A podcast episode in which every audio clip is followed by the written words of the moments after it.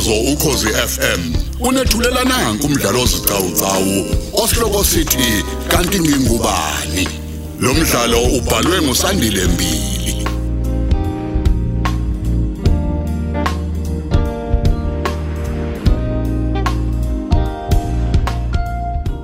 Lalela isiqephu seshumi.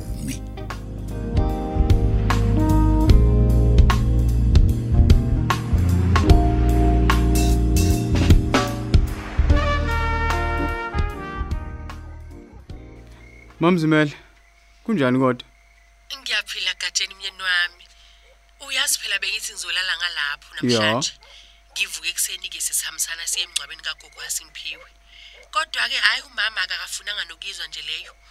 Wenqabile nje wathi njengoba usemanzini nje angikike kancane. Hawu kodwa madoda umkhwekazi wami.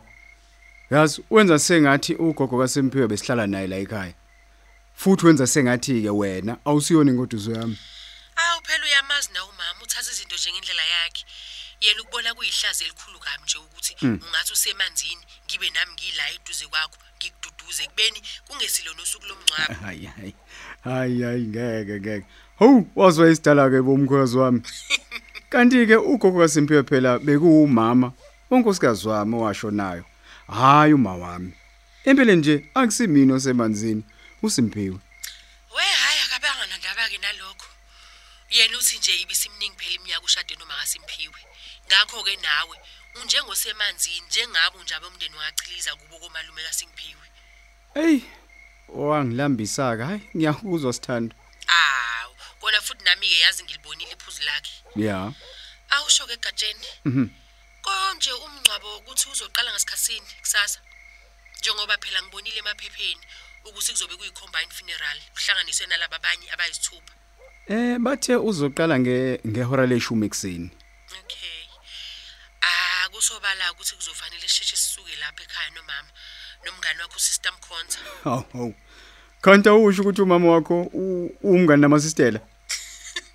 Kodwa katsheni bakithi. Ah uyazi ubizwa ngoSister Mkhonza ngoba Ya. wayeyinesi. Oh. Ya usanda kuthatha umhlala phansi. Hayi vele phela la endaweni ke vele nathi sikhule kanjalo nje bembiza ngayo uSister Mkhonza loyo. Oh, hayi. Bese ngithi phela uyisistela. Hayi lutho akunjalo baba. Cha kantsheni angivalelise ke manje ngizokubona kusasa emngcwabeni ke. Okay, sithando sami sibonani.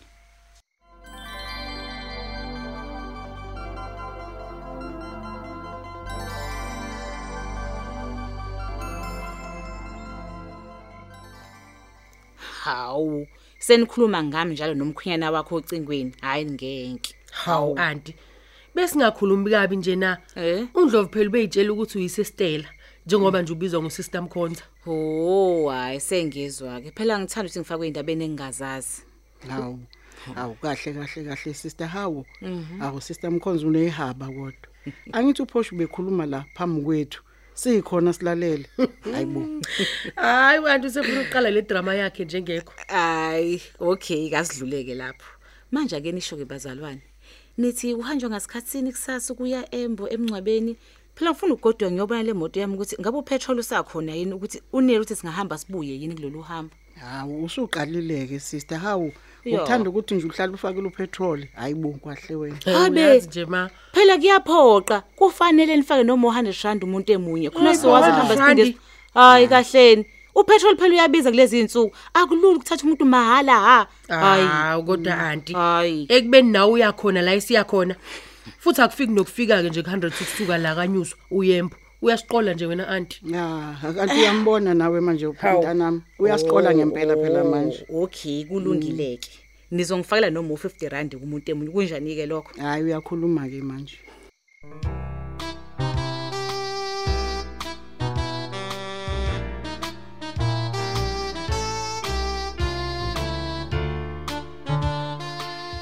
Aw sengiqedile baba ukupholisha izicathulo zakho. Sengize ngazibona nokuzibona Hayi, ziyatsobezela ngiyasibona hayi ngiyabonga ndodana.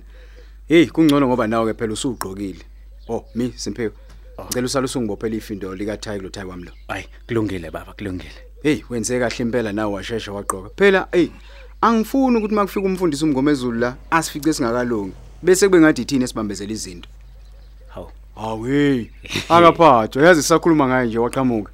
Ekhaya kwaNdlovu Eh ungena, ngena mfundisi. niyaphila kodwa abogatsheni Hayi, sikhona. Sikhona mfundisi, singezwe kuwe. hayi nami ngithe angisheshe ngifike oh kwakuhleke ngoba nginifica nakho hayi niyabonakala ukuthi senilungile Hayi, so kona siphangisile mfundisi. ningadinwa ke bomakhelwane bami lo engihamba naye uzonke uyilunga lebandla lami futhi uphinde abe unesi omusha eWaterfall Clinic. Oh. uqashe khona futhi lapha ekhaya eyiqashini lezi zikandodakazi wami. Usanda kufika la endaweni. Ucela ukuba ngimuphi lift njengoba siye emngcwabeni. Hayi, mfundisi alikhe libi, ayikho inkinga. Hayi, siyajabula ukwazi nkosazana. hayi nami ngiyajabula ukwazi babundlovu ngiphinde futhi ngizwelane nani kakhulu neno Simphiwe Hayi, siyabonga zonke, sibonga kakhulu. aw baba nangu ke uthayi wakho. Eh baba umfundisi nawe sisizonke. Ngibona sengathi sizoshawa isikhathi manje nalapha egroundini nje sizoze sithi sifika sifike nendawo isiphelile kakhulukazi yezihlobo nomakhelwane njengoba kwenzeka nje imingcwabo eminingi ngesikhathi esisodwa. Hayi uqinisele impela uSimphiwe lapho. Plus njengoba kukhona nezikhulumi nje ikhulu kahulumeni kanye namakhansela namakhosi eyinduna ya- indawo yezihlobo nje nabangani ingasipheli Hayi bo, hayi bo, ayehli ngevu bakwethu. Asambeni impela nje manje. Ngoba phela noma mzimbela useke wangifonela, wangitshela ukuthi sebefikile bona enkundleni. awu kwangcono ke kanti nomaqhinga beno surprise sebephambili Niyabona ukuthi thina sodwa sele ngemuva. Eh mfundisi bengizocela ukuthi uma sesifika lapha ya ngasekhoneni lasethafeni sithathe ukhethiwe bengithe akasilinde khona kulungile ndodana asambeni bantabami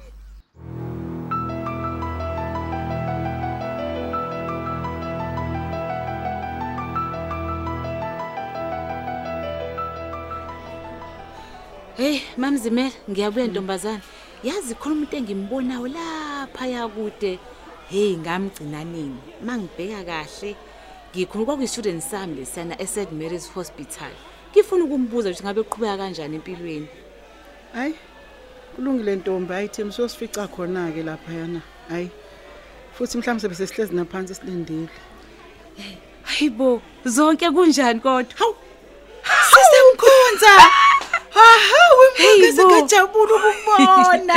Emva kweminyaka eminingi kangaka bakithi Hawe, cabanga sesobona le ndawo nebhlungu kanjena Eish, ah Ayi. kunjani kodwa sister Hayi ngiyaphila bandla. Uyazi ngikubona nje ngile ngithi hayi noma kanjani.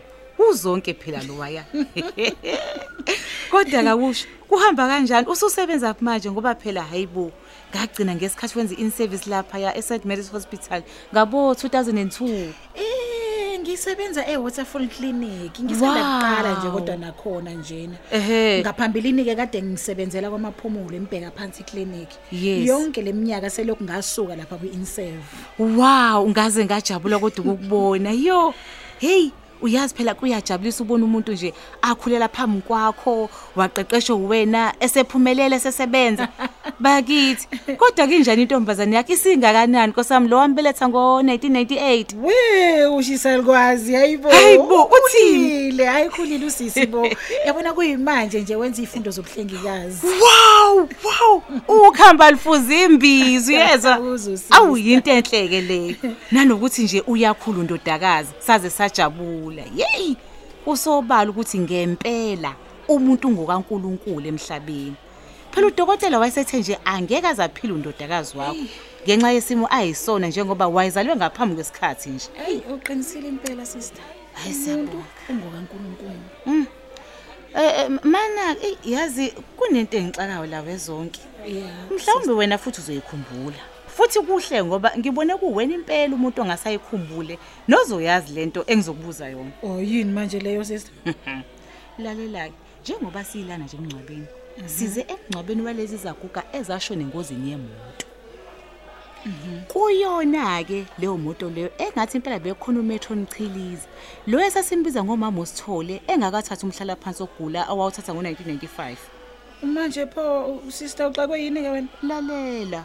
Umetro umama usithole lo ugogo wendodana yomyeni wendodakazi kamngani wami. Indodakazi leyo uPhosha.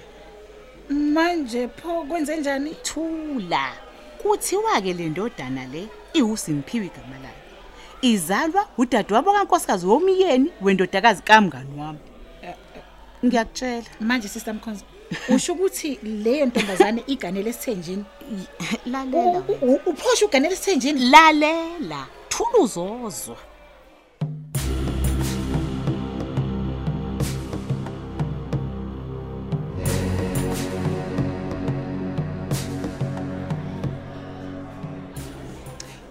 hayibo kanjani? Ngoba phela ngikhumbula kahle ukuthi leyo ntombazane udeliwe echelezi yebo ingane yakhe yashona isanda kuzalwa nje ibulawa yilesifo okuthiwa yi-fetus alcohol syndrome. Kunjani? i-FAS yazi lokho ngikwazi ngoba mina naye sasesijwayelene wangitshela. Ya. mina ngakhishwa kuqala esibhedlela ngenxa yokuthi ingane yami yayisengcono emva kokuzalwa ngaphambi kwesikhathi.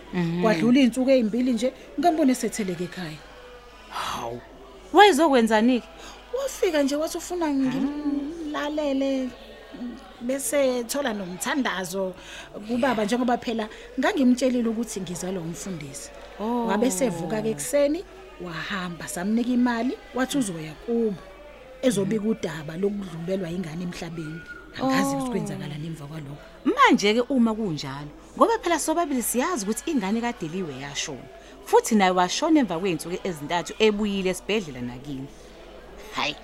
Lo simphiwe lo okuthiwa owakhe owakhuliswa udadewabo kadeliwe.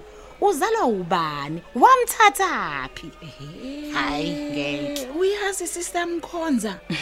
Uma ususho kanje. Hayi yabo lento hayi hayi. Hlangana inhlobo A- a- awusho. Uyakhumbula kodwa ingane yomfana eyayiyiwele? Nelinye eyalahleke esangweni esibhedlela ngenxa yokuthi unina wayo wayinika intombazane thizeni. Yena ngesikhathi esayoshintsha inapkeni endlini encane. Awuyikhumbuli? Hayi bo sisamkhonza U- usho ukuthi udeliwe yiyena owantshontsha lelo wele lomfana? Wagoduka nalo wafika kubo wathi ingane yakhe.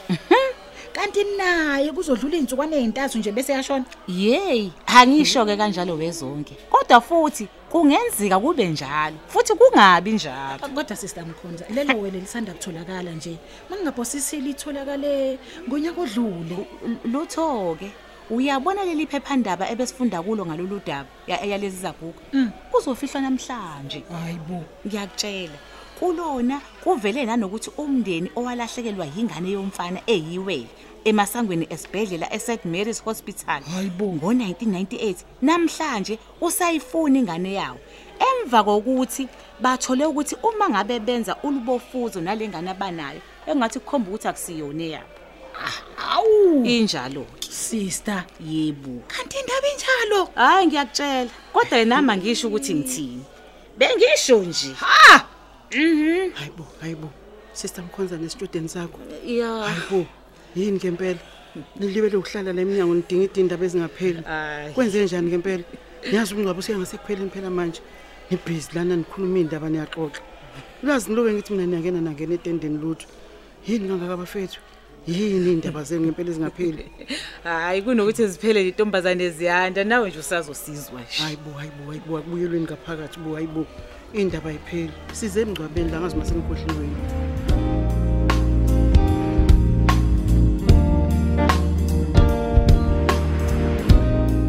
asisibambe lapha isiqephu sethu sanamhlanje esithi kanti ngingubani osithulelwa ukhozi FM